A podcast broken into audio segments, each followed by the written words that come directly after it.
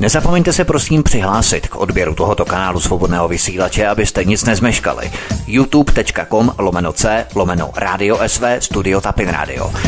Dejte si prosím odebírat tento kanál kliknutím na červenou ikonku v horní pravé části obrazovky s nápisem odebírat a zaškrtněte také symbol zvonečku, abyste byli informovaní o nahrání každého nového pořadu. Tím také nepřijdete o čerstvé premiéry a rozmanité kauzy, které můžete dále sdílet na sociálních sítích. Příjemný, krásný, dobrý večer, dámy a pánové, posloucháte svobodný vysílač. Od mikrofonu vás zdraví vítek, jsme rádi, že jste si nás naladili, ať se jedná o váš mobilní, chytrý telefon anebo počítač, laptop. Na jakémkoliv zařízení vás vítáme a přejeme hezký večer. Turecká policie obvinila dva Čechy, Markétu Všelichovou a Miroslava Farkase, které zadržela v polovině listopadu 2016 na svém území z příslušnosti k teroristické organizaci IPG. Pokusili se překročit hranici z Turecka do Iráku a při hraniční kontrole se u nich našly materiály, které zmiňují teroristickou organizaci v Turecku.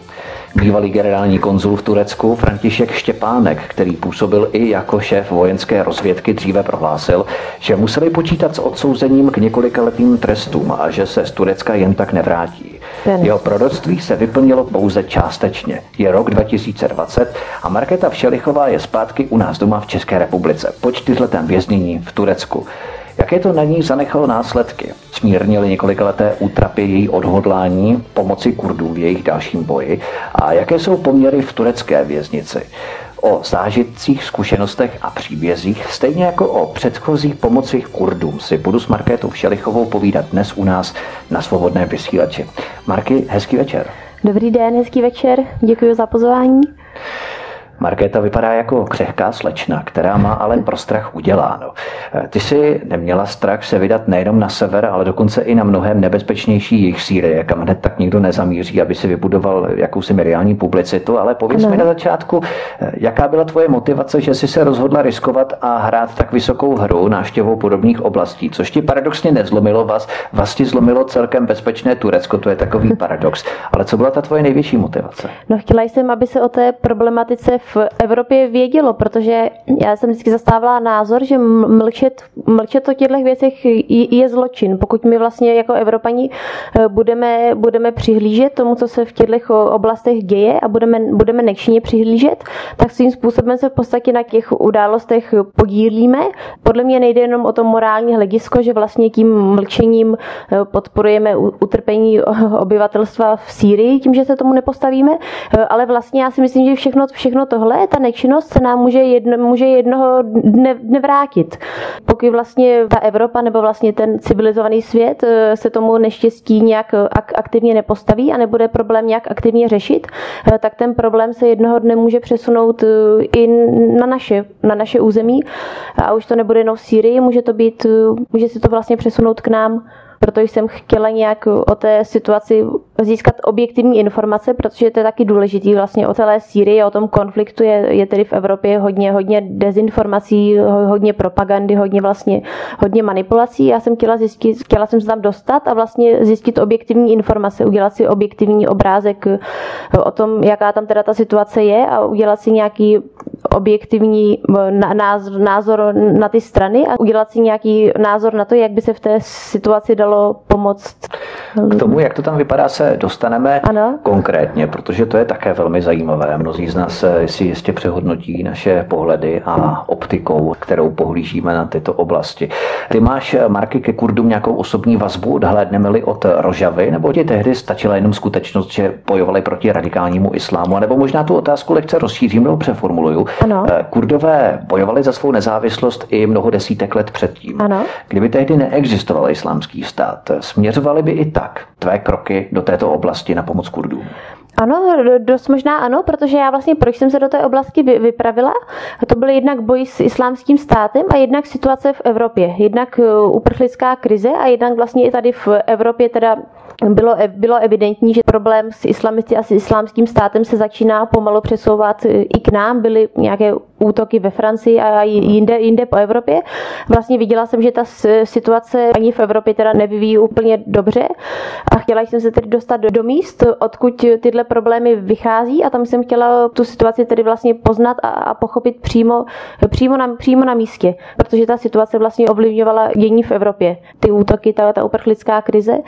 Proto jsem se vypravila nejdříve teda do Iráku, do iráckého Kurdistánu a později do, do Rožavy, což je ta kurdská oblast na, na severu Sýrie, kde, kde vlastně původně jsem tam jela jenom proto, abych tu situaci nějak pochopila a poznala vlastně, o co tam jde a porozhlídla se po možnostech, jak já jako jeden člověk můžu tam nějak pomoci. Ty jsi vlastně byla stělesněním toho, že ty si neměla žádné redakční zázemí, finance, kterými ti někdo dotoval, nějakým způsobem si neměla vzdu za ano. to, aby se šlo do toho regionu podívat. Ty Dotovalo mě několik nadšenců. Přesně tak. Když jsi podnikala tyto nebezpečné cesty předtím do Turecka, do Sýrie, do Iráku, kolika lidem, myslím u nás, si se svěřila s tím, že nejenom, že odjíždíš do této oblasti, ale co tam zamýšlíš podnikat? Tak ono obvykle moc lidí to nevědělo, jenom nejbližších pár přátel, kteří eh, se, se také teda zajímají aktivně o, o pomoc Kurdům. Nebyl důvod moc příliš lidem Jasně. se s tím svěřovat. Asi by se mi to hodně lidí snažilo rozmluvit. Jenom jestli můžu, já bych se dostala vyjádřila k tomu, k tomu nebezpečí. Uh-huh. Jasně, on člověk, samozřejmě komukoliv, když řeknete v Česku, že jste byli v Iráku nebo v, nebo v Sýrii, nebo že se chystáte do Iráku nebo do Sýrie, tak každý si řekne, že že je to strašně moc nebezpečný, že, že je tam přece válka, každý viděl v televizi islámský stát a válku a rozbombardovaná města. Jenomže ono to není zase tak černobílé. Já třeba poprvé jsem přijela e, do iráckého Kurdistánu a irácký Kurdistán to je bohatá moderní země. Opravdu na první pohled já jsem měla pocit, že to je bohatší země, než jsou vlastně státy v Evropě. Tam přijedete a po válce nejsou ani stopy. Eh, všichni tam jezdí v bílých Toyotách luxusních, eh, venku jsou plné ulice, plné ulice lidí, plná obchodní centra, tam města jsou moderní, opravdu možná modernější a na první pohled tedy modernější než evropská města. Ono, ono tam poté... V podstatě je standardní SUVčka, že 500 ano. metrů je pro mnohé mm. dost daleko, mm. jak si. Ano, no ale vlastně o to, když tam, když tam takhle přijedete, tak máte, vy si myslíte pořád, že, že, že vlastně jedete teda někam do, vál, do války, s tím, když jsem měla poprvé do toho Iráku, ale pak vlastně jste překvapení, že tam po té válce nejsou, nejsou ani stopy a to i v místech, která jsou vlastně relativně blízko od fronty, třeba 50 km od fronty, tak v těch městech vlastně pokračuje úplně, úplně normální život. Ty lidé se s tou situací prostě na, naučili nějak žít, tam vlastně o válce a o nebezpečí nikdo nepřemýšlí. Tam ve městě, které se nachází 50 km od fronty s islámským státem, tak lidi normálně chodí do práce, do školy, večer tam sedí v parku, pijí čaj, chodí, chodí nakupovat na bazar. Vlastně vůbec žádná, žádná atmosféra strachu v těch městech není. A tím vlastně, když se do té oblasti dostanete, tak vy postupně ten svůj původní strach nebo ty obavy ztratíte, protože vlastně ta atmosféra tam je takováhle. A jak tam respektují třeba odlišné zvyky ostatních? Myslím, mm-hmm. ty, které nikoho jiného neohrožují nebo ho neomezují. Mohla si tam nosit, co si chtěla, jako ano. pro panka, žádný problém? Ano, že vůbec žádný problém. Tam dokonce ono to není vůbec tak černobílé, jako uh, lidé mají velmi zkreslené představy od muslimských zemích. Já jsem si vyslechla, než jsem tam jela, tak protože já jsem taky nevěděla, jak to tam vypadá. Měla jsem prostě takovou tu obecnou představu, že když jedete do muslimské země, tak jako holka by si tam měl být asi v tričku s dlouhým rukávem a, a v šátku. Že jo? Pak jsem přijela, přijela do Iráku, vystoupili jsme na nějaké, be, nějaké benzínce, šli jsme si nakoupit a první, co jsem viděla, tam byla prostě blondětá nějaká kurtka v kilku eh, a, a v, le, v legínech, tak jsem si řekla, aha, tak to se asi, ono to taky nebude, nebude teda nutný s tím, co jsem měla na sobě. A ono, se to, se... ono se to asi liší v těch eh, částech, že když je třeba kurdská část, tak tam je to mhm. benevolentnější, tolerantnější, než právě v těch třeba tvrdě ale, ortodoxně islámských. Ale ani ne, co já jsem pak, pak vlastně zjistila, ono je to opravdu on si tam každý to záleží spíš eh, podle, jak to mají ty lidi zařízené v, v rodině. Není tam, opravdu není tam nějaké striktní pravidlo, že žena musí chodit zahalená. Potkáte na ulici, jedna žena je nezahalená, jedna, jedna je zahalená, je to opravdu na rozhodnutí těch žen. Oni většinou ty ženy, co chodí zahalené, tak tam to ani není, není o tom, že by uh, oni byli nuseni svou, svou rodinou. Často je to naopak, že třeba manžel, manžel ženy, která chodí zahalená, by si i přál, aby ona se trochu odvázala a zmodernizovala, ale ona sama ta žena prostě říká, říká ne, že že chce chodit takhle, protože to tak cítí, co by, co by teda věřící, věřící muslimka. Ale rozhodně nikdy, ještě si můžu říct, nikdy jsem se tam nesetkala s žádným problémem, s žádnou negativní reakcí kvůli tomu vlastně, že jsem odlišná kultura, odlišné náboženství. Vy vůbec. Jste každé ráno běhat, že? Ano. Ve standardním dresu a to nebylo problém. Tak úplně ve standardním nechodila jsem úplně v takových těch běžeckých plavečkách, nebo Jasně. chodila jsem v legínech a, a v tričku. A to jsem měla pocit, že nějak nevyčnívám. Byli tam v Iráku, v, na, na severu Iráku jsem potkala holčiny, které chodily běhat v úplně stejném úboru. Hmm. Takže... Co třeba děti? Z našeho pohledu se může zdát, že jsou příliš rozjívené, lítají jak splešené, všechno díčí, všechno rozbijou. Je tam ta výchova a... tak rozvolněná, nebo dětem vštěpují ano, přece no, oni mají, no, oni mají trošku jiný přístup, to jsem tam také poznala, jiný přístup k výchově dětí možná než v Evropě. Oni jim zásady eh, také vštěpují, ale oni jsou možná později. Oni do nějakých tří, čtyř let to dítě nechají v podstatě být, ať si všechno vyzkouší, ať si, ať si dělá, co chce, ať třeba občas spadne na zem, ať třeba občas něco rozbije. Samozřejmě pokud by to dítě dělalo něco životu nebezpečného, tak ho, tak ho zabrzdí, ale není to tak, že by 24 hodin vlastně běhali za tím dítětem, aby ono nikdy neupadlo, aby nikdy něco nerozbilo. Ne, když oni upadne, ho nebo když něco dělá, co nemá, tak si aspoň namele, pokud to právě, oni, to nebezpečně. Právě, oni, to, oni na to, na, to, dívají, na to dívají takhle, že vlastně takový ten přírodní edukace, při, oni takhle přirozeně to dítě se, se, se vzdělává a vlastně zásady, oni ho nechají takzvaně vyblbnout a potom ho postupně na jeho, tedy učí, učí odpovědnosti a učí ho, postupně ho vlastně vychovávají. Uh-huh. Uh-huh aby se jinak, jinak do toho světa rozpěli. Ano. A jinak, jestli můžu říct, právě děti, jakékoliv děti, tam byly k nám sobě cizincům vždycky strašně přátelské. Tam, kam jsem přišla, vždycky se kolem mě nahrnul hlouček dětí, od úplně nejmenších po děti starší a všichni z toho byli uh, úplně nadšení. Je, tady přijel Evropán a nejsi ty z Německa a pojď spát, pojď spát k nám. A ne, ta půjde spát k nám. Začali se tam dohadovat o to, k komu budu spát. Vždycky neskutečně, to jsem si pak říkala, že určitě není možné, že by tam od dětství eh, vštěpovali dětem nějakou nenávist eh, k nemuslimům, protože ty děti opravdu reagují na, ciz, na cizince, prostě na, na Evropanku nezahalenou strašně pozitivně.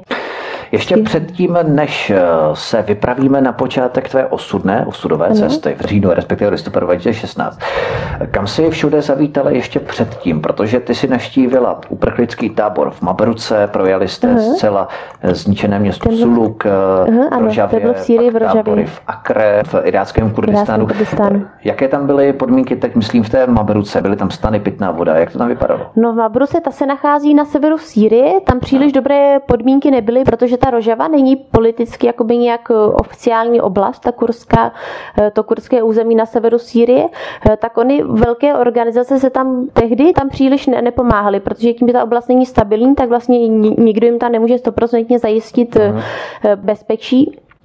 Eh, proto vlastně tam ta situace nebyla dobrá. Tam ty lidi žili, teda to byly uprchlíci z Raky, uprchlíci před islámským státem žili v té Mabruce a tam ta situace teda vůbec ne, nebyla, nebyla dobrá. Tam bylo několik budov, nevím, co to bylo, možná nějaký bývalý statek. Eh, tam žilo, žilo tam opravdu ty lidi na mačka, hodně lidí na malém prostoru na mačkání, byly tam velmi špatné hygienické podmínky, nikdo tam neměl čisté oblečení, nebyla tam, co si pamatuju, tak tam byly asi čtyři špinavé záchody na celý ten tábor, kde mohlo být třeba pět tisíc lidí. Nebyly tam hygienické podmínky, ty lidi vlastně tedy neměli skoro nic. Oni říkali, že tehdy říkali, že jim nepomáhá žádná velká mezinárodní organizace, že jim pomáhají v podstatě jenom místní lidé. Místní lidé, kteří se, tam jsou sami chudí, tam nikdo, nikdo není nějak zvlášť bohatý v Rožavě, tak ještě pomáhají a starají se o uprchlíky, většinou arabské uprchlíky před islámským státem. Jak se k vám místní chovali? Protože člověk by si tak nějak Velmi myslel, že načumili ze západu s foťákem asi moc zvědaví nebudou. Ale víte co, já jsem tam nikdy nenaběhla přímo jako, přímo jako čumil s foťákem, já jsem se vždycky snažila nějak splynout s, s tím prostředím. Hmm.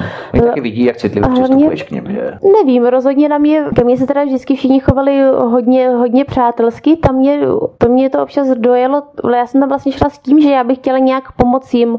Později jsem se do té Mabruky vrátila a dovezla jsem tam nějaké oblečení, co jsem pokoupila uh-huh. po Rožavě vlastně v dalších městech.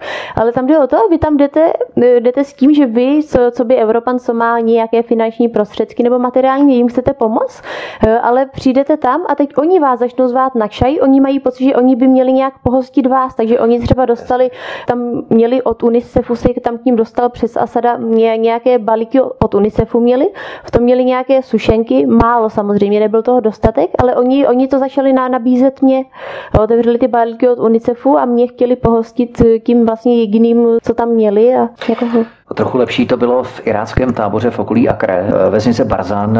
Tam uprchlíci byli umístěni do bývalých vojenských budov, měli tam něco jako svoje mm-hmm. byty, hodně z těch uprchlíků provozovalo svoje provizorní obchůdky, krámky. Mm-hmm. Tam ta situace nebyla tak neutěšená jako třeba v té Mabruce, i když ten uprchlický tábor už to samotné místo příliš povzbuzení nenabízí v podstatě, ale tam to bylo lepší. O co si? No víte, já bych tomu řekla tohle. Ono ty tábory v iráckém Kurdistánu, oni ne, že vypadají lépe než tábory v Rožavě, oni vypadají mnohem lépe než tábory v Evropě.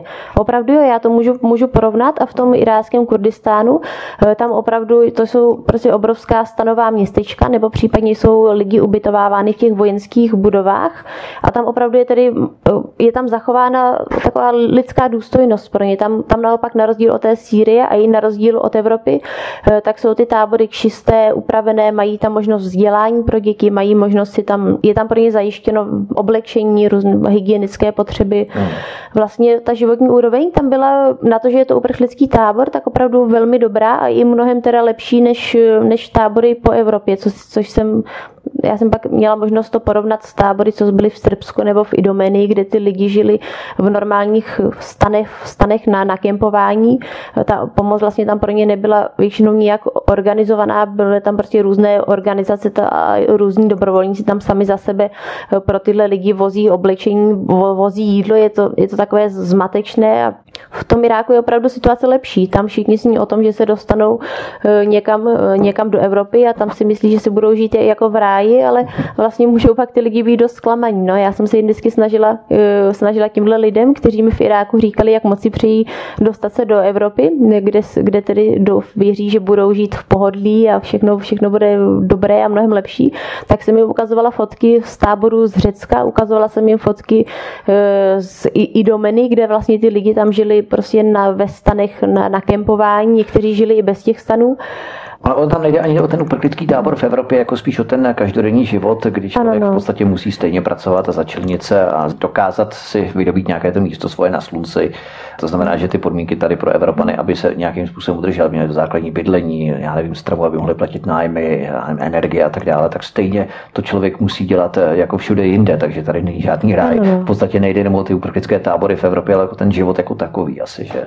Ano, no, navíc eh, vlastně tím, eh, ono na začátku, když začala syrská válka, tak mnoho teda lidí se dostalo do Evropy a v Evropě si, v Evropě si našli práci, našli si bydlení a opravdu se tady teda v Evropě zabydleli a nyní nyní, nyní se určitě jim žije dobře, ale to byla ta první várka, várka uprchlíků před osmi lety. Protože nyní je problém ten, že těch uprchlíků už je tady prostě moc. Oni pořád všichni, protože na začátku konfliktu ze, ze Sýrie se teda ně, někteří Syřané do té Evropy dostali a začali tady žít ten jakoby spokojený život, takový, jaký by si tam všichni přáli, eh, tak vlastně mají všichni i dodnes, tam lidé mají představu, že když oni se dneska dostanou do Evropy, že vlastně to bude stejné, že budou žít stejně jako ti jejich příbuzní příbuzní, co se sem dostali na začátku války, ale nebudou, protože dneska už je ta situace jiná, jednak už ani, ani nové uprchlíky nikdo nepřijímá, nechce přijímat. Dneska je tady těch uprchlíků tolik, že pro ty nové už vlastně v podstatě není šance tady normální život začít. Na, na začátku kdy, toho syrského konfliktu uh-huh. ta šance byla a proto ty lidi se sem pořád hrnou, protože vidí ten příklad eh, ze začátku konfliktu, jenomže dnes už prostě ta situace je jiná začít tady nový život v podstatě není možné, ale O tom, to jim těžko vysvětlíte, těžko je o tom přesvědčíte. Rozumím. Budou... Jací uprchlíci tam většinou byli, myslím, v té akře. Arabové, kteří utekli z oblastí ovládaných islámským státem, asi hodně Kurdů, že jezídové ze Šingalu, tam bylo si další. Jsou to všechno vždycky uprchlíci před islámským státem. Tam to je jedno, jestli jsou to Kurdové, Arabové, jezíky. Tam byli vlastně všichni, všichni pohromadě a všechny spojovalo to, že všichni utekli před islámským státem. Jak jste se přesouvali z jednoho místa do druhého? Jezdí tam nákladní auta z checkpointu třeba? Svezli vás třeba občas bojovníci z IPG? Hele, tam to bylo vždycky různé. Tam je na ten pohyb po těchto oblastech je, je dobré, že opravdu ty lidi jsou velmi vstřícní, velmi přátelský. Tam vždycky jsem se vlastně e, velmi rychle zpřátelila s, s někým, kdo byl ochoten e, pomoci, u koho jsem mohla přespat a kdo mě třeba dovezl na místo, e, kam jsem potřebovala. Když jsem někoho takového neměla, tak tam se můžete pohybovat normálně veřejnou dopravou, jsou tam taxíky, mm. není to nic zase tak složitého. Ale základ je ten, že vlastně tam jsou prostě ty místní lidi vám vždycky pomůžou velmi, velmi ochotně. Mm. A takhle jsem se vždycky vlastně díky místním jsem se vždycky dostala, kam jsem potřebovala. Mm. Tak, Markéta Všelichová je naším hostem u nás na svobodném vysílači. Po písničce budeme pokračovat dál v našem povídání a už se přesuneme přímo k té osudové cestě, kde byly zatčení s Miroslavem Farkasem, to znamená v říjnu v listopadu 2016. Vítek vás zdraví od mikrofonu, přeju hezký večer. Markéta Všelichová je stále naším hostem u nás na svobodném vysílači. Od mikrofonu vás zdraví Vítek. Tolik k tvým předchozím cestám do Rožavy v Sýrii, ale i do mhm. iráckého Kurdistánu a dalších oblastí, abychom posluchače seznámili s tvými předchozími aktivitami. Nicméně, pojďme se vypravit už na začátek vaší samotné osudové cesty. Jak bylo vůbec obtížné se do iráckého Kurdistánu dostat? Protože a to bych právě na tomto místě považoval za velmi nutné. Aby řekla, proč jste si vybrali cestu do Iráku zrovna přes Turecko, protože ono se dá letět přímo do iráckého Erbílu, ale je to mnohem dražší cesta ano. než právě ta cesta přes Turecko. Je to tak? Ano. Tak já bych možná začala tím, že my jsme tehdy s kolegou mým, který byl také se mnou začený, pracovali na projektu mobilní nemocnice, kterou jsme chtěli dovést na ten kurdský sever Sýrie eh, do té Rožavy, protože jsme vlastně viděli, že při boji tam eh, spousta lidí umírá naprosto zbytečně na naprosto banální zranění, jenom protože tam není žádná eh, základní lékařská péče, protože jsme tam vlastně teda chtěli dovést mobilní nemocnici. A pracovali jsme na, na tomhle projektu, schánili jsme finanční finanční a materiální prostředky vlastně nejen v Česku, ale právě i v tom eh, iránském Kurdistánu, kde jsme spolupracovali s jednou slovenskou organizací, která nám také měla zajistit nějaký materiál pro tu, pro tu naši nemocnici. A my vlastně jsme tehdy se vypravili eh, do Erbilu eh, kvůli práci na tomto projektu mobilní nemocnice. A teď té obvyklé otázce, proč my jsme jeli přes to Turecko. No bylo to vlastně, jak říkáte, kvůli těm penězům, protože ano, vy můžete doletět tedy přímo do Erbilu i bez mezipřistání v Turecku, ale ta letenka stojí třeba 25-30 tisíc. A mě tehdy z mého tehdejšího pohledu, eh, vlastně v kontextu toho, že já jsem tu Syrii několikrát naštívila a viděla jsem, že za 30 tisíc tam vyžije třeba pět kurdských rodin po dobu jednoho roku. Tak mě, mě tehdy přišlo až zvrácené dávat tolik peněz za letenku. Říkala jsem si, že tam bych tím uživila, v Roževě tím uživím jednu vesnici. Prostě nebudu kvůli svému eh, pohodlí a dávat 30 30 tisíc eh, nebo vybírat od lidí 30 tisíc, když raději to dám těm eh, lidem, pro které takové peníze by znamenaly vlastně hrozně moc v té rožavě. Proto jsme se vypravili eh, přes Turecko. Já vlastně, mm, ono samozřejmě podle některých lidí to bylo nezodpovědné toto rozhodnutí.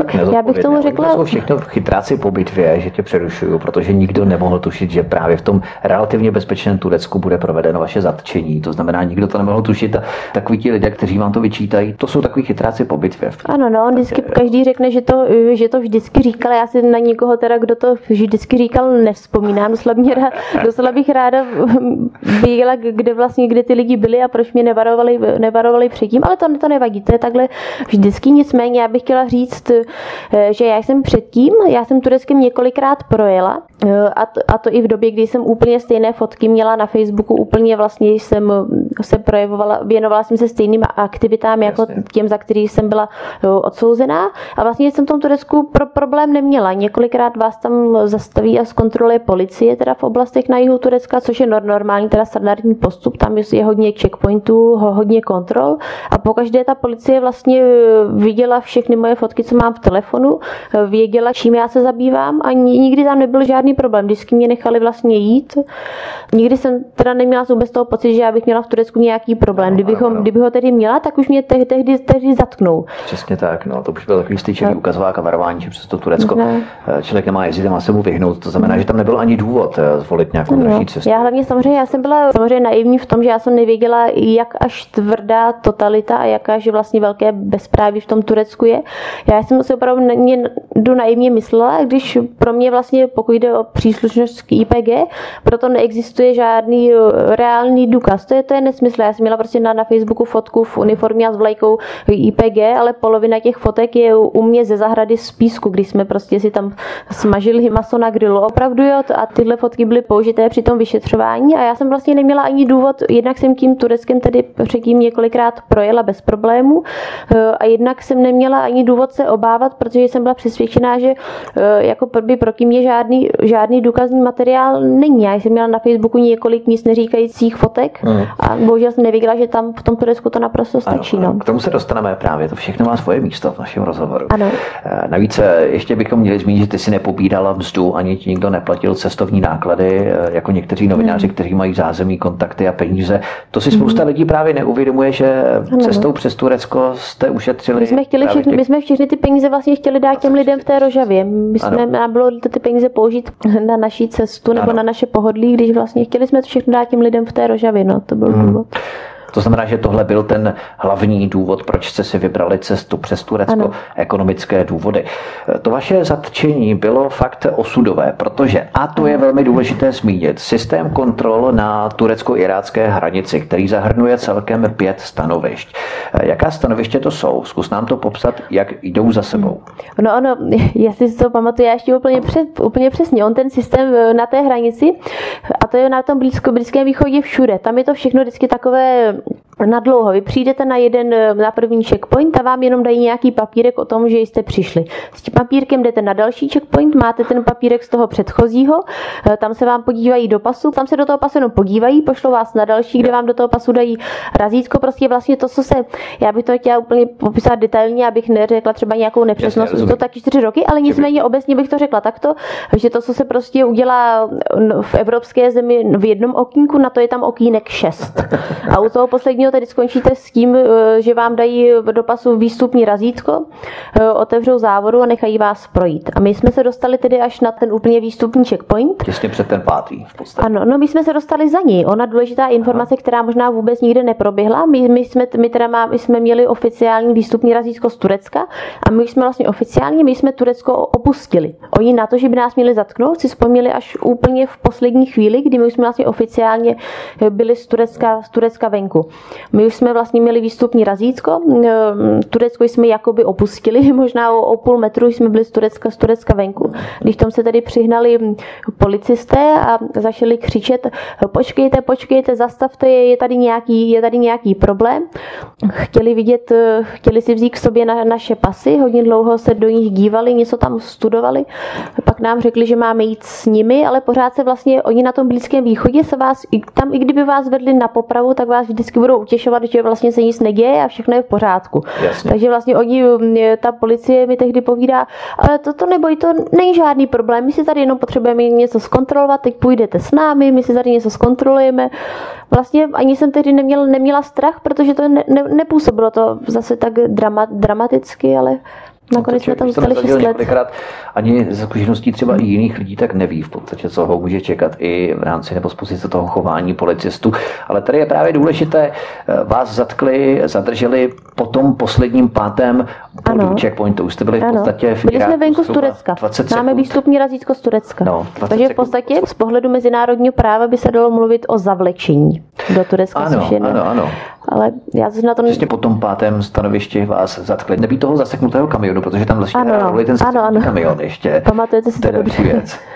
Čtvrt hodiny jste tam vlastně museli čekat, protože tam byl nějaký zaseknutý kamion. Ano, přesně tak, to, to si pamatuješ správně. No. My jsme se tam, my jsme, ano, my jsme na tom posledním výstupní stanovišti, čekal tam teda nějaký uh, kamion, nevím, co tam bylo za problém, se tam zasekla závoda, nebo nevím, prostě byli jsme tam, seděli jsme tam uh, na obrubníku a měli už vlastně všechny ty papíry vyřízené, čekali jsme jenom na, prostě až nám otevřou závodu a dají takovou propustku z Turecka. Čiže kdyby tam ten kamion nebyl, tak byste projeli oni To bychom projeli, no. To, bohužel tady tím získali oni čas na to si ano. vlastně uvědomit, kdo jim přišel na hranici a ano. bohužel nás teda stihli zatknout úplně v poslední chvíli. Jak jsem zmínil v úvodu, vás zatkli právě na turecko-irácké hranici a to ano. je také velmi důležité zmínit pro všechny ty rýpaly. Eh, vy jste se předtím nesnažili hledat nějakou okliku, kudy byste se do Iráku dostali, abyste se ne. kontrole vyhli. Vy jste zvolili legální trasu přímo přes hraniční přechod. To je velmi důležité také ano. říci.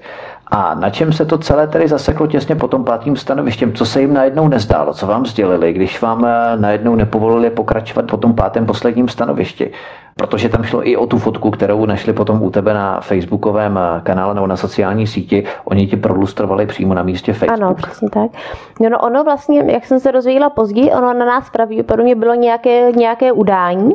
To udání nevím, kdy přišlo, ale mě vlastně zareagovali na to udání až úplně na poslední chvíli. Na poslední chvíli si uvědomili, že jsme to asi my, co tam zrovna přišli na tu hranici.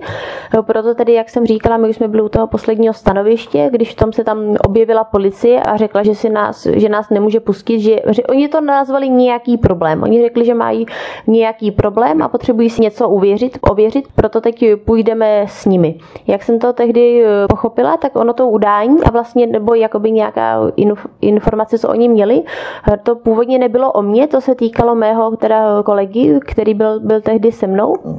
Takže původně vlastně to zatčení bylo myšleno proti němu. Nicméně, když už já, já jsem tam byla také, tak oni se podívali i, i do mého telefonu samozřejmě a tam viděli, že já mám také na Facebooku příspěvky o IPG, takže nás zatknuli oba. Ty jsi na sociálních sítích široce vaše cesty a pomoc Kurdům prezentovala. Ano. Myslíš, že právě turecká zahraniční spravodajská služba MIT měla právě na vás typ, že vás turečtí spravodajci sledovali už třeba z Ankary, hmm. takže už pohraniční stráž šla po vás na jisto? Hmm. Je to docela dobře možné, ale ono tam je opravdu, mě by samotnou samozřejmě zajímalo, kdo, kdo tedy na nás tu udání tam vyslal. Těch možností ale víc, ona to nemusí, může to být eh, ta turecká tajná služba, protože naše aktivity sledovala předtím v České republice i turecká ambasáda. My jsme často pořádali, nebo já jsem pořádala protesty proti vlastně bombardování kurských území, proti vlastně věznění politických vězňů v Turecku a tak dále. Ta turecká ambasáda všechno tohle velmi pečlivě monitorovala a měla mě vlastně v hledáčku už tedy dlouhou dobu. Mohli to být lidé z té ambasády, ale je tam i více dalších možností. Některé, mohl to být někdo z našich známých, Mohly tam být i oso, osobní důvody. Jasně. Vlastně. Opravdu ne, mě to samotnou zajímalo, protože těch podezřelých mám víc a docela ráda bych se, no, bych se to někdy doz, dozvěděla. Protože vy jste neměli žádné vlajky, žádné zbraně, žádné uniformy. Ne, tam při té cestě jsme neměli nic. Pokud byste jeli třeba autobusem nebo taxi, tak by vás monitorovali jednoduše, ale protože jste vy v podstatě vy jste jeli autostopem, tak jste, jim, tak jste se jim ztratili z dohledu. Ano. A když jste jeli přes, já nevím, Cizre, Musajbin, Sinopy, tím kamionem a tak dále. Ano, my jsme takhle zmátli právě, proto si nás no. všimli až na poslední chvíli, že jsme to vlastně právě. my tam na té hranici. Takže vás nemohli sledovat a dostihli vás právě až na poslední chvíli, na před chvíli. tím posledním, potom posledním pátém checkpointu na té hranici. Ano. Bylo to vaše zatčení dramatické, takže si začala pochybovat, že jde o omyl a že by vás třeba mohli po pár dnech propustit, že si to vysvětlí nějak? Ne, vlastně pro mě v, ty, těch prvních dnech já jsem vůbec strach neměla. V těch prvních dnech jsem opravdu doufala a věřila tomu, že tohle se musí vysvětlit, že my jsme přece, že jednak jsme Evropané, že Evropané, co vlastně nic neprovedli se, nejen z evropského pohledu, ale podle mě ani z tureckého úhlu pohledu. Opravdu jsem věřila tomu, že ta situace se musí během pár dnů vysvětlit. Pochybovat jsem vlastně začala až po, po té, co jsme byli vzati do vazby a převezení do vězení v Širnaku. Tam mě poprvé napadlo, že to třeba může být na několik let třeba. Na začátku mě něco takového nenapadlo vůbec. Tomu Šernaku se vypravíme za chvilku a potom mm-hmm. k panu a Bizmeru a tak dále. Ale když se ta skutečnost vašeho zatčení objevila v českých médiích, ano. tak se vynořila skupina lidí, která tvrdila, že jste neměli platný pás anebo vstupní výzum, že jste hazardovali, riskovali, že jste si o to zadržení v podstatě koledovali. Takže pro všechny ty profesionály v úvozovkách, co cucají z prstu podobné nesmysly, vy jste šli legálně přes hraniční přechod ano, a všechny vstupní pasem. dokumenty, platné pasy jste měli všechno. Ano, my jsme šli přes legální hraniční přechod s platným pasem. Samozřejmě ano, potom za zatčení se teda vynořila spousta, vůbec nechápu, jak na takové věci novináři teda přišli, tak psali, že jsme šli ilegálně, ilegálně do Sýrie. My že jsme nešli do Sýrie, my jsme šli do Iráku a přes legální hraniční přechod bylo spousta článků o tom, že my jsme sebou měli nějaké zbraně. Víte, jak ono to vzniklo a všechno to z toho, že pašujeme zbraně? No. On můj kolega měl tehdy v notýsku napsanou poznámku, název jedné baterky do odstřelovací pušky, co prostě si zapsal, protože ze zajímavosti, co si napsal do notýsku, měl do notýsku tuhle poznámku a z toho vlastně tak se zmínka o zbraní dostala na veřejnost, všechno se to překroutilo a vlastně české noviny z toho na začátku udělali, že my jsme tam nelegálně pašovali zbraně. Z jedné poznámky v notýsku, která, která se týkala názvu baterky do odstřelovací pušky. Tak to média fungují. Ale bohužel nám tehdy tohle, tohle uškodilo, protože dost možná, jak jsem se tak dozvěděla, on tomu věřil i náš stát, který neměl o celé věci dostatek informací. Vlastně i náš stát a naši politici si asi na začátku mysleli, že my jsme opravdu nějaký, nějací blázni, což nelegálně ano, z Iráku do Sýrie. Pamatuju, no přesně. Proto vlastně nám třeba na začátku ani moc se nikdo nehrnul do toho nám pomoci, protože tam média podala tak, že vlastně ano je to celé na naše chyba. My jsme si tam někde šli přes pole do Sýrie, ještě jo, se jo. zbraněmi a Přesně tak to bylo. Ano, co se dá dělat? No. to chodí na světě. Eh, myslíš, že vaše zatčení a věznění byla spíš eh, jakási politická hra mezi Tureckem a Evropskou unii, jakási přestřelka? Protože vy jste žádný zločin nespáchali, přesto došlo k vašemu zatčení.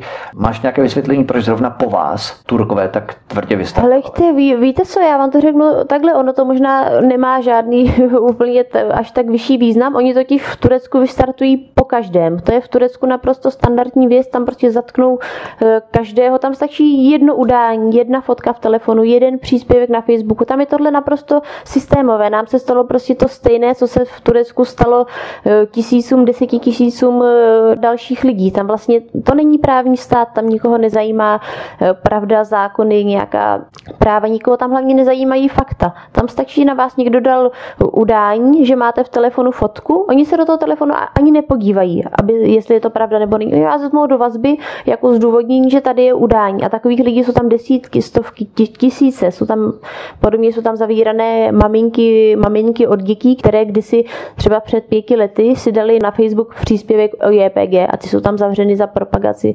propagandu terorismu. Takže já si ani nemyslím, že by šlo o tak Samozřejmě taky šlo o politickou hru mezi Evropou a, a Tureckem, ale vlastně to, co se nám stalo, je vlastně něco, co je v Turecku naprosto běžné a co se může stát komukoliv, ne tedy jenom, jenom nám.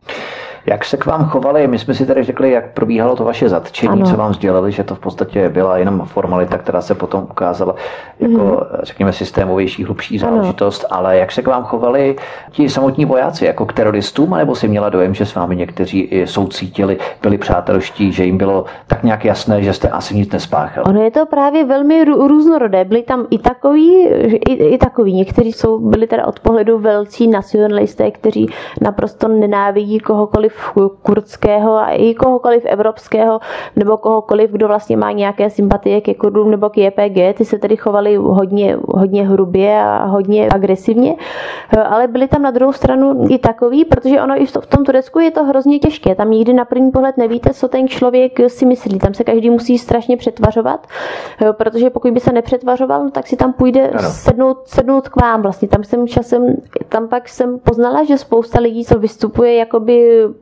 co se k nám chovalo tvrdě, tak ve skutečnosti s námi soucítí, ale oni prostě se takhle chovat musí. Uh-huh, je to mhm, jejich práce, kdyby se tak nechovali, š, š, půjdou si tam sednout s námi. Vlastně postupem času jsem poznala, že, že jsou tam i lidé, kteří teda si o, a je tam hodně takových lidí, kteří si o uh, tureckém státu a o turecké teda politické scéně uh, myslí, myslí svoje a vlastně ve skryté duše jim bylo sympatické, že my nějak jsme tedy se věnovali aktivitám proti tomu tureckému nedemokratickému zřízení.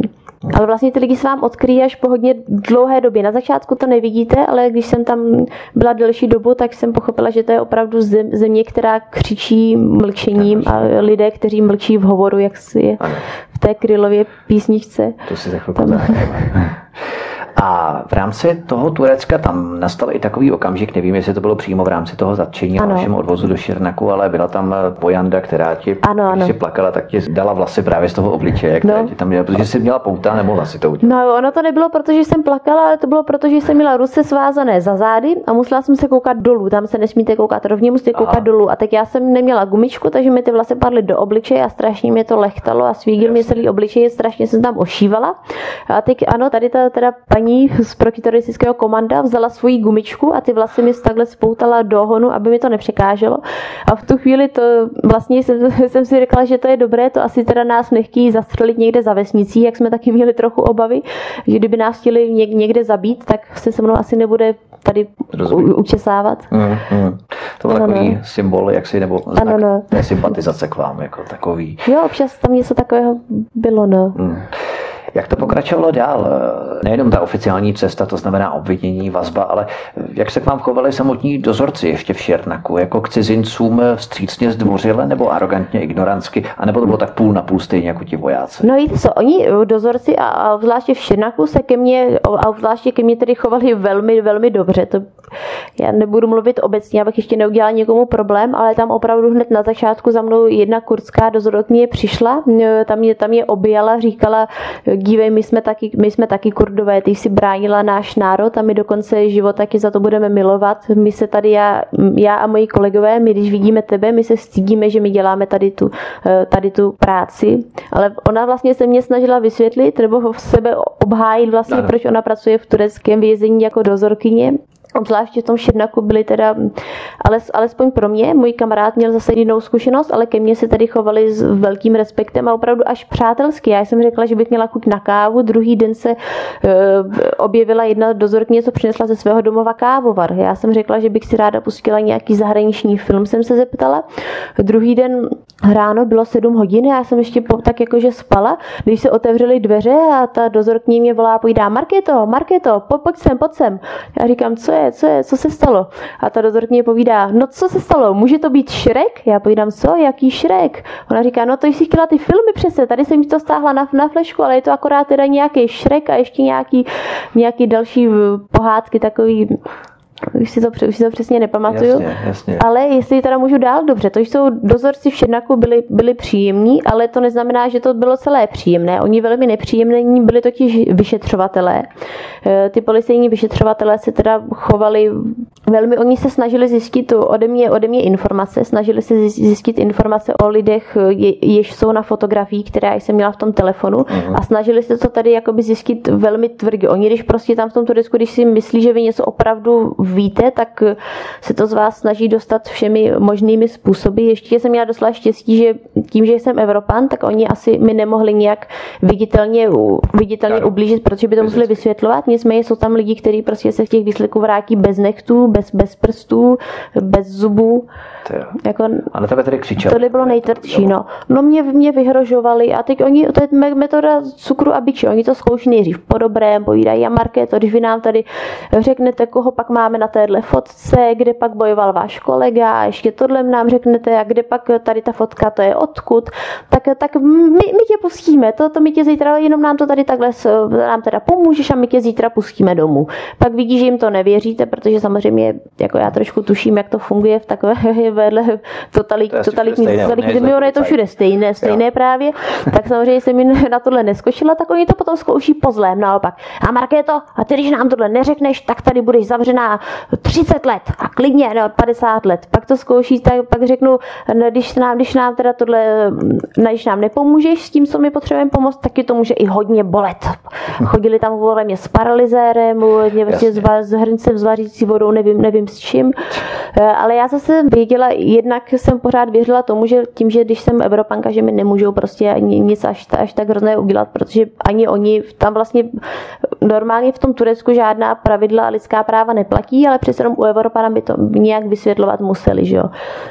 Eh, a jednak eh, já jsem se naučila už předtím vlastně dřív, eh, že v takových situacích je strašně důležité nedat najevo, nedat najevo strach. Jakkoliv se můžete bát, já jsem se samozřejmě taky bála, protože tam nevíte, co s váma udělají, ale ne, nesmíte to dát najevo. Ano. Když ten strach nedáte najevo... Před těmi dozorci, jak si říkala, že ti nesmí vidět zdeptanou. Právě. Ano, no. Jo. Oni, oni, když, totiž, oni, když vidí, že to na vás nefunguje a že, že se jich nebojíte, opravdu je přesvědčíte, že na vás prostě tyhle výhrožky nefungují, tak se začnou chovat jinak, tak toho, tak toho nechají.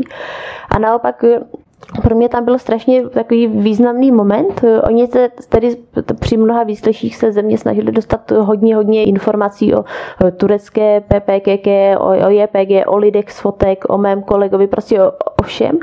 A chovali se tedy jakoby hodně tvrdě, prostě hrubě opravdu. Nicméně oni, když viděli, že já jim opravdu teda nic neřeknu a pochopili, že se můžou snažit jak chtějí, prostě já jim nic neřeknu a já jsem mi to i řekla, ať mi už dají pokoj, že mě uráží, pokud si myslí, že, že my Evropaní jsme nějací udavači a že já jim tady nějaká jména řeknu. Řekla jsem neřeknu, řekla jsem mi, už to nechte být, prostě ode mě se nic nedozvíte, dělejte si, co, co chcete. A, a oni jste prostě, komunikovali v angličtině předpokládám. V angličtině jsme tehdy komunikovali, ano, no. Tehdy jsem ještě, teď už bych to mohla vyjádřit kurecky i turcky, kurdsky, tehdy, tehdy ještě ne. Ale nicméně chtěla jsem říct to, že oni když teda pochopili, že na mě ty jejich metody neplatí a že já opravdu nikoho nenapráším, oni pak hodně obrátili a naopak se ke mně začali chovat jednak s respektem a jednak se mnou vlastně začali sdílet svoje eh, mnohdy velmi negativní názory na ten turecký politický systém. Tam vlastně se každý bojí mluvit. A to jestli taky nebyla taková že... politická hra, ti nachytali na tom, že taky nesympatuješ s Erdoganovým režimem. Já, já nevím, tam prostě tam člověk nikdy neví. Já jsem samozřejmě vždycky dávala vždycky dávala pozor, ale nakonec pak, když se na to koukám zpětně, tak si myslím, myslím že asi ani, ani ne. Tam je opravdu pak mnoho vyšetřovatelů, mnoho dozorců, když věděli, že teda já nejsem ten člověk, co by něco někam hlásil nebo jako naprášil, tak se mi svěřili s takovými věcmi, za které by mohli jít oni také teda na druhou stranu dveří, ale Jaké tady byly podmínky v Širnaku? Ještě tady před písničkou, hmm. myslím, eh, strava, sociální zařízení. Bylo to pro tebe velké překvapení třeba? Tam? No, jako překvapení to pro mě bylo, protože jsem to čekala mnohem horší. Já jsem si zase myslela, že turecké vězení, že to je něco, že to bude vlastně nějaká podzemní kopka v zemi bez oken s hliněnou podlahou. Eh, ale ne, já jsem tam, ta místnost, vlastně byla to úplně normální místnost, kde tehdy dokonce v tom Širnaku byla, byla lednička, televize, koupelna, byl tam výběh na takový malý dvůr. Vlastně vůbec to v první chvíli, já jsem byla v úplné eh, euforii, že mě, já jsem čekala, že půjdu do nějaké kopky podzem, kde prostě nebudou okna, kde nebude možnost jít ven. A když jsem viděla tohle, tak mě se úplně ulevilo, říkám si, tak to není problém, tady klidně měsíc, dva měsíce vydržím, dá se jít běhat na dvůr, můžete se projít na dvůr, tak není problém. No. Na první pohled, jakoby ještě, jestli můžu říct poslední větu, ne, eh, problém těch, chceš, tak problém těch tureckých vězení není vlastně, není až tak eh, vlastně v těch podmínkách, ale v tom, že jsou v nich lidé zavíráni za nic. Že vlastně jsou tam lidé zavřeni ne, neoprávněně. Podmínky jsou možná lepší než v, evropský, než v evropských věznicích, bych si myslela, ale problém je, je ten, že tam už jsou lidi zavření prostě za to, že mají jiný názor než prezident Erdogan. Tohle Takže místnost pro spaní, dole kuchyňka, koupelna, lednička, televize. Měli jste tam dvůr, kam si chodila ano. běhat. Tam si mohla běhat, ten dvůr nebyl zase tak až veliký, ale že? No příliš veliký nebyl, přirovnala bych to třeba jako je takový běžný byt, takový normální jo. byt Pár 2 plus 1. Musí, člověk musí běhat dokola a na začátku mi to teda přišlo neskutečné. Říkala jsem si, to takhle, to, po, po půl hodině jsem toho měl dost. Říkala jsem si, to teda nevím, jak to tady budu na tomhle běhat každý den, protože já, já potřebuji, já jsem zvyklá, já dělám mnoho let, mnoho let sport sport, pro mě nejdůležitější je tam možnost pohybu. Nicméně on si člověk na všechno zvykne. Po, po týdnu vlastně už jsem potom běhala hodinu, ještě jsem se potom dvě hodiny prošla a vůbec mi to vlastně nevadilo. Já si přitom krásně zrelaxuju při tom pohybu a ty si první dva měsíce běhala každý den. Co se ti pak eh, stalo s nohou, že si běhání musela omezit? To se mi pak stalo až, až ve, ve vanu. Se mi stalo několik s nohou. V Černáku se mi z nohou nic nestalo. V Černáku mě naopak to bylo také docela zvláštní. Mě posledních několik let, protože jsem ten sport dělala hodně, hodně dlouho, vlastně už od malá, asi od 12 let, tak několik let před zatčením, třeba poslední dva, tři roky před zatčením, mě bolelo všechno. Mě bolely chodidla o, o kostice, kolena, úplně všechno.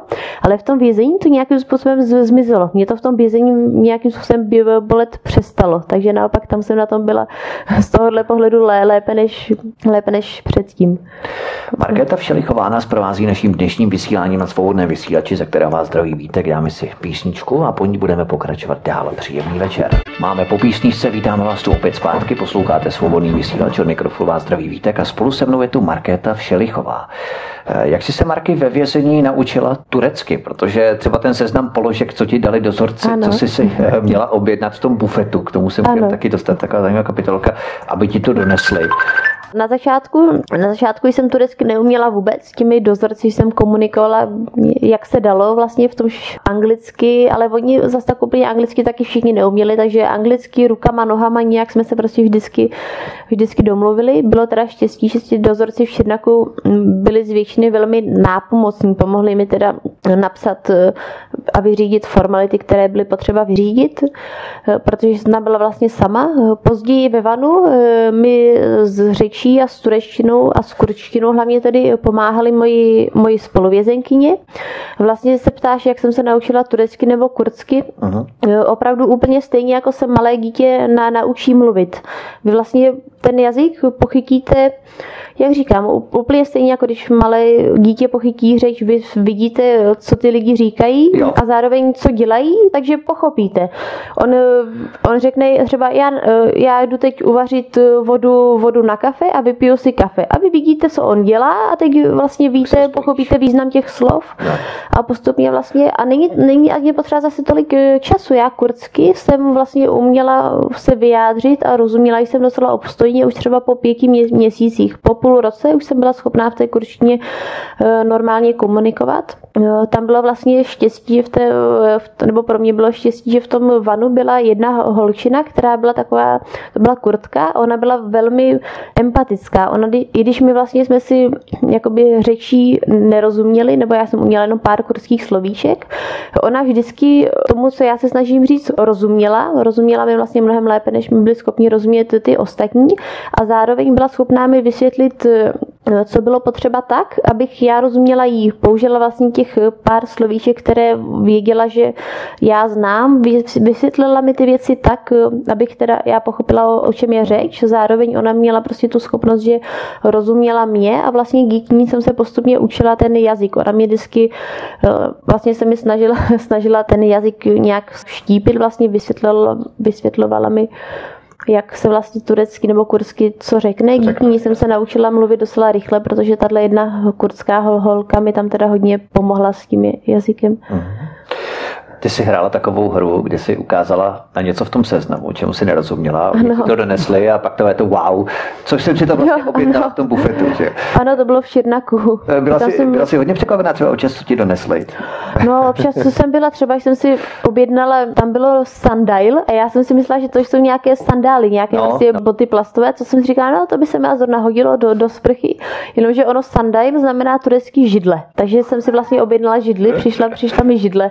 To je tak to bylo takové legrační občas. No jo, někdy jsem byla překvapená, co všechno se dá v tom vězení Tak takhle se učit koupit. turecká slovíčka. Ano, takhle jsem se postupně naučila turecká slovíčka, protože tam jsem opravdu, tam jsem nevěděla vůbec nic turecky, žádný turecký slovník jsem, jsem neměla. Hmm, teď jsem měla později. Jsem, koup, jsem si matematická skripta. Ano, matematická skripta. Jsem měla, měla, měla později, na začátku hmm. jsem neměla, hmm. neměla nic. Kdy jsi začala, Marky, uvědomovat, že to, co se stalo, hned tak rychle neodezní, neskončí, protože ty si tvé naděje upínala k těm soudům, ke kterým ano. se za chvíli dostaneme. Ale byla si tehdy ještě stále v přesvědčení, že ta noční můra skončí maximálně za několik týdnů. Mm-hmm. Ano, je vlastně v podstatě až do, až do toho odsouzení a vlastně i po tom odsouzení. Já jsem možná rok a půl pořád čekala na to, že se to musí nějak vyřešit a vlastně podporovalo v tom i moje okolí. Mě docela překvapilo, že vy jste na to, Timothy si na začátku říkal, že tedy nějaký bývalý český konzul v Turecku, nevím Aha. přesně, jak si to řekl, se hned na začátku vyjádřil, že podle něj to bude na několik let. Mně nic takového nikdo neřekl. Mě ze všech stran, ať od těch dozorců, ať od vyšetřovatelů, ať ze strany jakoby rodiny nebo přátel, kteří byli v kontaktu s politiky, všichni říkali, že je to prostě na měsíc, dva, že v řádu měsíců to musí být vyřešeno nejpozději tím soudem se to musí vyřešit. Vlastně mě nikdo takového nic neřekl. Eh, tam vlastně všichni se tvářili, jako že zase tak o moc nejde, že vlastně zlá ta situace bude v nějakém krátkém horizontu, horizontu vyřešena. A zpětně si říkám, oni sice ty naděje na začátku, ano, byly falešné, ale já jsem tam pochopila, že ona taková falešná naděje je nikdy možná lepší než žádná, protože možná, kdyby mi hned na začátku někdo řekl, že tam zůstanu uvězněná 6 let, tak nevím, jestli bych se s tím dokázala úplně na začátku srovnat, ale vlastně, když pochopíte potom, vy třeba rok, rok, rok a půl pořád věříte tomu, že se to nějak vyřeší a když pochopíte, že vlastně se to asi nevyřeší a že tam budete až do té doby, dokud vám neskončí trest, tak už zase jste tam aklimatizovaný a už si vlastně člověk zvykne, už to dokáže nějak tu myšlenku přijmout.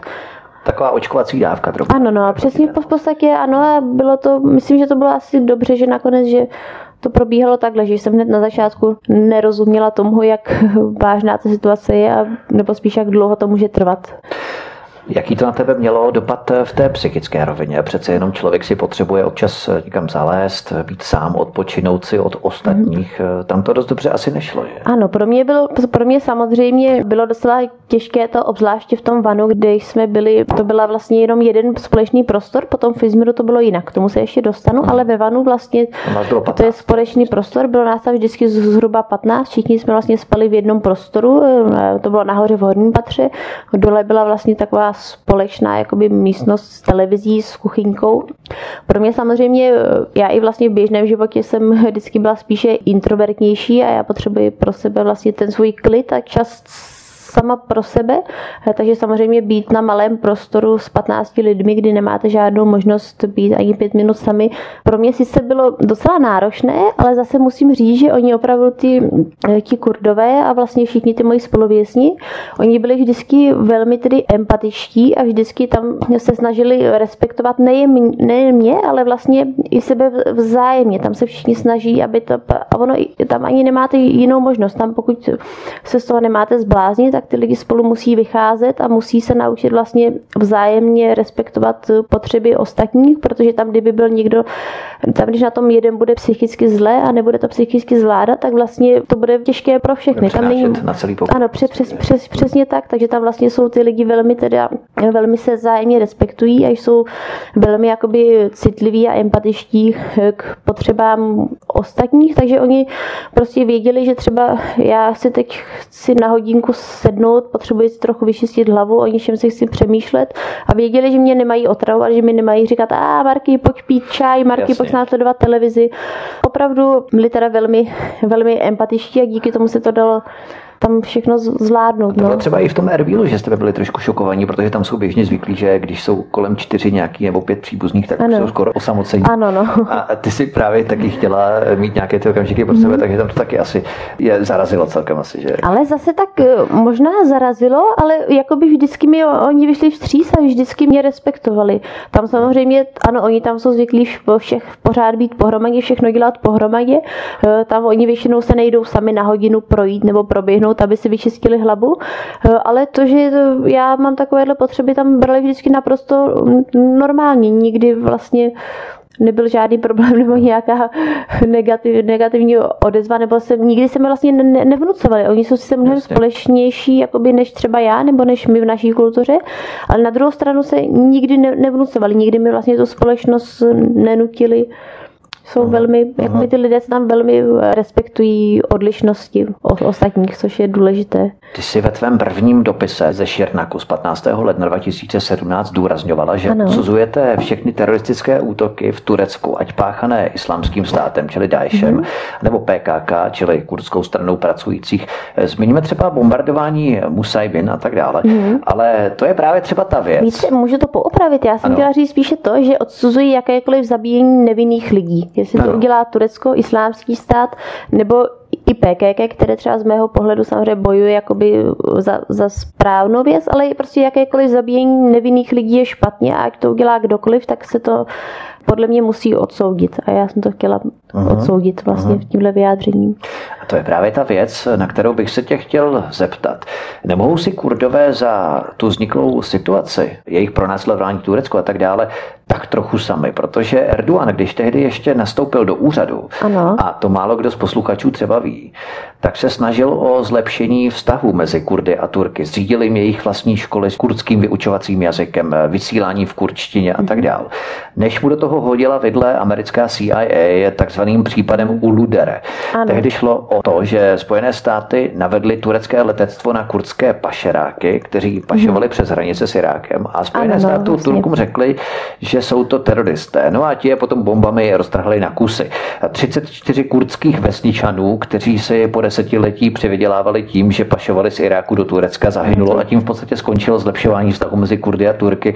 Nejsou Kurdové v mnohých věcech eh, nástrojem Spojených států k tomu, že když američané potřebují v Turecku neklid, nějaké nepokoje, mm-hmm. tak k tomu použijí právě bohužel ty Kurdy, kteří jsou tak nějak jako naivní a nechají ano, se no, já mám bohužel úplně stejný pocit.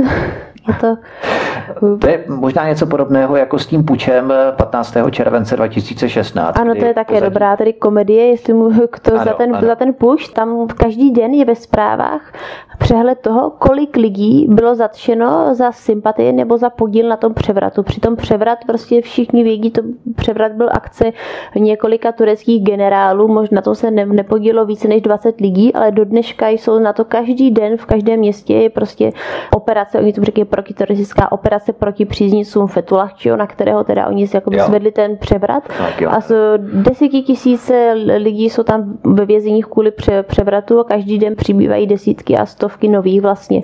Já nevím, jak to s tím převratem bylo, jako netroufla bych si říct, že Erdogan si ten převrat zařídil sám, když taky člověk neví, ale každopádně z toho převratu teda vytěžil maximum a dodnes vlastně eh, svoji politickou podporu vlastně, nebo svoji, svoji propagandu vlastně opírá o ten převrat. My vlastně jsme kolikrát říkali, kdyby ten Erdogan neměl PKK a neměl, neměl tady ten převrat, tak už tam dávno není, protože to je, on má jenom tyhle dvě témata. To je vlastně každý ten diktátor potřebuje nepřítele, aby mohl na někoho ukázat a mohl, mohl těm lidem říct, že on proti tomu nepříteli vlastně ty lidi chrání a že proti tomu nepříteli nepříteli se musí, musí sjednotit. Prostě kdyby diktátor... Když nebude... A je to pro vaše dobro, je to pro Ano, přesně bezpeč. tak.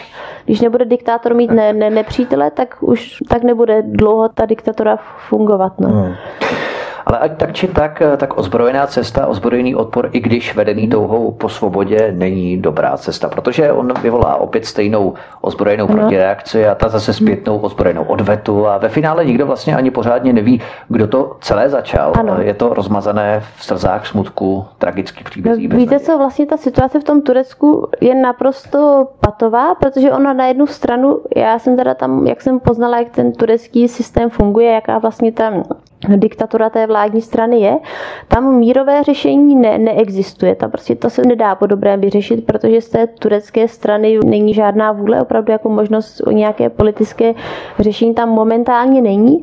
Nicméně ta vojenská cesta také není, není řešení. Samozřejmě to, o co se snaží kurská strana pracujících. Já ne, samozřejmě, jednak jak jsem říkala, já odsuzuji jakékoliv zabíjení nevinných lidí. Pokud někde odpálíte bombu a zabijete nevinné civilisty, tak je, je to jedna jednak špatně z morálního hlediska, ale co je vlastně i mnohem jakoby důležitější pro celou tu věc, ono je to neefektivní. Ona ta kurdská strana pracující si v podstatě počíná, jakoby bojuje boj, který ona nemůže nikdy vyhrát. Tam jde o to, že vlastně kurdové přesně tak, oni zabijí jednoho tureckého vojáka, nebo dva, když jsou teda velmi šikovní, ale pak přiletí turecké letadlo a zabije 50 kurdů. Hmm. A takhle je to tam celých 30 let. Oni prostě tímhle způsobem nemají, nemají možnost tu, tu válku vyhrát. Oni prostě jenom mají další a další, další ztráty a jenom vlastně tím ještě utvrzují vlastně tu tureckou nenávist proti Kurdům. Jakoby vlastně to, čeho se Kurdové snaží v Turecku dosáhnout, ty jejich požadavky jsou zcela oprávněné a, a pochopitelné, ale bohužel ten boj celý je, je neefektivní a tímhle způsobem oni ten konflikt nemůžou vyhrát. No. Nicméně na začátku, já když jsem psala tyhle, tyhle dopisy, já jsem pořád věřila v nějaké mírové řešení. Já jsem věřila v to, že je potřeba, aby jedna z těch stran ten boj ukončila, protože tam jde teď o to, to je něco jako konflikt Izraele s Palestinou, když v podstatě ani si nepamatuje, kdo tu válku začal začal, aby, ale obě ty strany mají tisíc a jeden důvod, proč bojovat s tou druhou. Kurdové řeknou, no a Erdogan zavírá politiky z HDP, Erdogan zavírá tady naše kurdské lidi do vězení, Erdogan zabíjí civilisty v kurdských městech, Erdogan udělal tohle, tohle, tohle, ale Erdogan zase řekne, no ale my s nimi taky musíme bojovat, protože oni dali bombu tamhle, oni zabili naše vojáky tamhle, oni zabili našeho policajta tamhle. Prostě každá ta strana má tisíc důvodů, proč musí v tom boji pokračovat a proč teda nemůže se s tou druhou stranou usmířit. Protože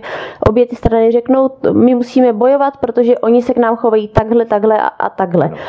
A, tí, a já jsem vlastně dřív tedy si myslela, že jediné řešení je to, aby jedna z těch stran prostě eh, ten boj ukončila a že postupně by ta druhá strana ztratila vlastně také důvody bojovat takhle by oni se mohli usmířit. Nicméně jsem pochopila, že ta turecká nenávist těch tureckých na, opravdu nacionalistů a příznivců Erdoána vůči těm Kurdům je taková, že oni nikdy, ne, nikdy neumožní, aby Kurdové měli svoji nějakou autonomii a aby mohli jako Kurdové vlastně fungovat třeba nezávisle na Turecku ta situace nemá řešení. Prostě momentálně se to nedá, ten problém kurdský se nedá vyřešit ani vojensky, ani, ani politicky. Tam je nutné počkat na nějakou příležitost, kdy v Turecku proběhne nějaká velká změna, jako třeba byla v Sýrii. Vlastně tam kurdové, tam byla podobná situace jako v Turecku. Tam také kurdové neměli žádná práva, byli, byli vlastně utlačováni diktátorem Asadem. Nicméně v roce 2011 vypukla válka, vypuklo v Sýrii povstání a kurdové téhle situace vlastně úžasně využili ve svůj prospěch, dokázali eh, porazit nejdříve Asada, potom ty islamistické skupiny, díky čemu získali podporu, sympatie vlastně celého světa a dokázali na tom severu Sýrie vytvořit eh, to nezávislé území, území eh, Rožava. Před rokem 2011, než vypukla v Sýrii válka, by také kurdové nebyli schopni vlastně proti Asadovi bojovat. Prostě bylo nutné, aby se něco stalo, vlastně bylo nutné počkat na tu příležitost.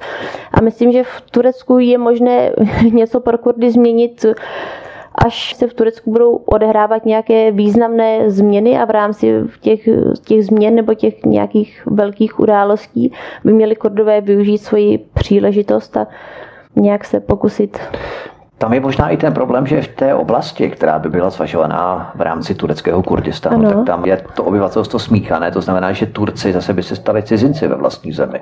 To znamená, že tam nejde zvažovat, jak si rozdělit to, něco jako u nás se odehrál odsun sudeckých Němců po druhé světové válce na základě Jalty, na základě smlouvy mezinárodních vítězů v rámci druhé světové války, tak eh, tam něco podobného není možné udělat právě, protože tam to obyvatelstvo je smíchané. Ale víte co, ale ono obyvatelstvo je smíchané všude na, všude na světě, to i vlastně v té Roževě, to se bere jako kurdské, kurdské území, ale tam také žijí Arabové, žijí tam Arméni, žijí tam, žijí tam Turkménové, také to nejsou jenom, jenom kurdové. Ono také Rožava vlastně se oficiálně neříká, že je to kurdský stát nebo kurdská oblast. Ne, to je Rožava, kde mají stejná práva kurdové, arabové, turkmeni, vlastně všechny ty náboženské a etnické menšiny. Samozřejmě pokud by se měla někdy ta turecká nebo ta kurdská území v Turecku osamostatnit, bylo mi nutné to koncipovat takhle, ne jako kurdský stát, jako kurdskou autonomní oblast, ale jako autonomní oblast, kde teda mají většinu kurdové, ale žijí tam i další eh, národnostní menšiny nebo další národnostní skupiny eh, a všichni by měli tedy stejná práva a pro všechny by platila rovnoprávnost. Určitě by nebylo správné, případně pokud by vznikla nějaké autonomní území, to území prezentovat jako kurdský stát, protože ano, žádný stát není čistě kurdský nebo čistě turecký, vždycky tam budete mít ty menšiny. Nicméně, co je podstatné, eh, to si můžete vidět z výsledků voleb na, na, na všech těch jakoby kurdských území, převážně kurských, teda na tom jihovýchodě Turecka, tam z 80% vyhrává volby pro kurdská HDP. Prostě 80% lidí to tam takhle chce. Chtělo by mít tu nezávislost, chtělo by se eh, osamostatnit od Turecka proto tam vyhrává volby, volby HDP. Mhm. Nedá se říct, že by to bylo ano. Jakoby nějaká, jak Erdogan se to snaží schodit tak, že vlastně eh, tyhle myšlenky vlastně té kurské autonomie podporuje jenom menšina obyvatelstva. To není pravda, to je nesmysl. Kdyby vlastně většina obyvatelstva byla eh, proti PKK a proti nějakým tím teda autonomním snahám, tak by tam nevyhrávala z 80% volby HDP. Kurska. Ale abychom se od té politiky, geopolitiky přesunuli zpátky k tomu tvému případu. Ano. Z toho prvního dopisu ze Šernaku, ještě před koncem dnešního prvního dílu, byl cítit mírný optimismus. Ano. Bylo to proto, že si chtěla uklidnit tvé sympatizanci tady u nás doma v České republice, nebo ty podmínky tam byly skutečně tak překvapivě dobré, že tě to naplňovalo určitou nadějí i ve vztahu k tvému nadcházejícímu procesu, ke kterému se dostaneme už potom v následujícím díle našem? Ne, já pořád až do té doby, než skončili soudy, než jsme byli odsouzeni, tak já jsem byla po celou dobu velmi optimistická a celou dobu jsem to viděla s nadějí, že celá ta věc se vlastně nějak pro nás v podobném vyřeší a skončí to dobře. Takže ty si... Opravdu jsem tomu věřila. Na Jasně, takže jsi neměla problém myslet optimisticky. Nebo ty dny, kdy jsi třeba měla nějaké deprese třeba, vzpomínala si na známá místa tvoje, jak jsi chodila pěšky do školy v Hračanské, řídila tvoje červené auto, tvůj pes Arim, ano, ale ne vlastně ve smyslu, že by mi to až tak... Eh, Jasně. Ta, samozřejmě také to člověku chybí, ale já jsem se snažila nepřemýšlet eh, vlastně o tom, co je venku a co mi zvenku chybí a co teď nemůžu a co bych naopak venku mohla. Já jsem si prostě řekla, že musím vyjít z těch podmínek, jaké jsou teď, že nemá cenu se trápit tím, co by člověk mohl nebo nemohl venku. Člověk by se měl snažit co nejlépe teď využít eh, ten, tu situaci, tu situaci, která tam je. Prostě musíte dělat v té dané situaci, hmm. musíte musíte dělat to nejlepší, co v dané situaci dělat můžete. Nemá opravdu, říkala, říkala jsem si, nemá cenu přemýšlet nad tím, co bych mohla venku. Teď jsem tady, tak musím přemýšlet o tom, co bych mohla dělat tady. Snažila jsem se vlastně myslet takto, že vlastně vy vždycky máte, ať už jste venku nebo kdekoliv, vy vždycky máte nějaké limity. Nikdy nemůžete dělat naprosto všechno, co chcete. Venku v normálním životě vás limituje společnost, limitují vás jakoby nějaké, jak se to řekne, normy chování. Ano, mantinely. Různé, ano, přesně tak všude, všude jsou mantinely vždycky se musíte něčemu přizpůsobit a jednat v nějakých mantinelech a tam je to vlastně stejné, jenom tím mantinelem je teda ta betonová zeď a ta, a ta jedna místnost, takže já jsem si prostě řekla, teď nebudu řešit, co já bych mohla dělat venku, teď se budu snažit co nejlépe využít ten prostor tady a budu dělat to nejlepší, co se dá dělat tady. Ty jsi tam právě popisovala tu situaci, kdy si krmila ptáky, ano, ano, ano. pták vletěli do tvého pokoje a potom ano, se nemohl dostat ven. A nemohl se dostat ven, no. Ty si viděla vlastně, že on svobodně může letat ven, zatímco ty jsi zavřená uvnitř, tak ty ano. depresivní chvíle nepřevažovaly nad tím optimismem. Ne, ne nepřevažovaly, ano, občas jsem koukala na ty ptáčky a říkala jsem si, je, to, mně to spíš přišlo, to, to bylo pozitivní spíše ne, než, než depresivní. Vlastně viděla jsem toho ptáčka a byla jsem ráda za to, že ten ptáček může vylétnout ven a vidět vidět vlastně ta místa venku a tu svobodu, kterou já jsem momentálně neměla. Markéta Všelichová je naším hostem u nás na svobodném vysílači a povídáme si o jejím věznění v Turecku. My se dalším věcem ohledně jeho soudního procesu, soudního líčení, všech věcí, které potom následovaly, budeme věnovat v následujícím díle svobodného vysílače. Takže si nás nezapomeňte zapnout. Příště, to znamená za dva dny ve středu, budeme pokračovat dále v našem povídání s Markétou Všelichovou. Marky, měj se hezky, zatím ahoj. Ahoj, děkuji za pozvání. Tento pořad si můžete stáhnout nejenom na našem amatérském webu Svobodného vysílače, ale můžete zavítat i na náš YouTube kanál, kde se nás prosím nalaďte a také klikněte na pravé horní tlačítko, které vám umožní být součástí našeho kanálu, to znamená být členy našeho kanálu a odebírat naše pořady a další vysílání nezmeškat. Těšíme se s vámi příště. Hezký večer od mikrofonu vás zdraví vítek. Prosíme, pomožte nám s propagací kanálu Studia Tapin Radio Svobodného vysílače CS. Pokud se vám tento nebo jiné pořady na tomto kanále líbí, klikněte na vaší obrazovce na tlačítko s nápisem Sdílet a vyberte sociální síť, na kterou pořád sdílíte. Jde o pouhých pár desítek sekund vašeho času. Děkujeme.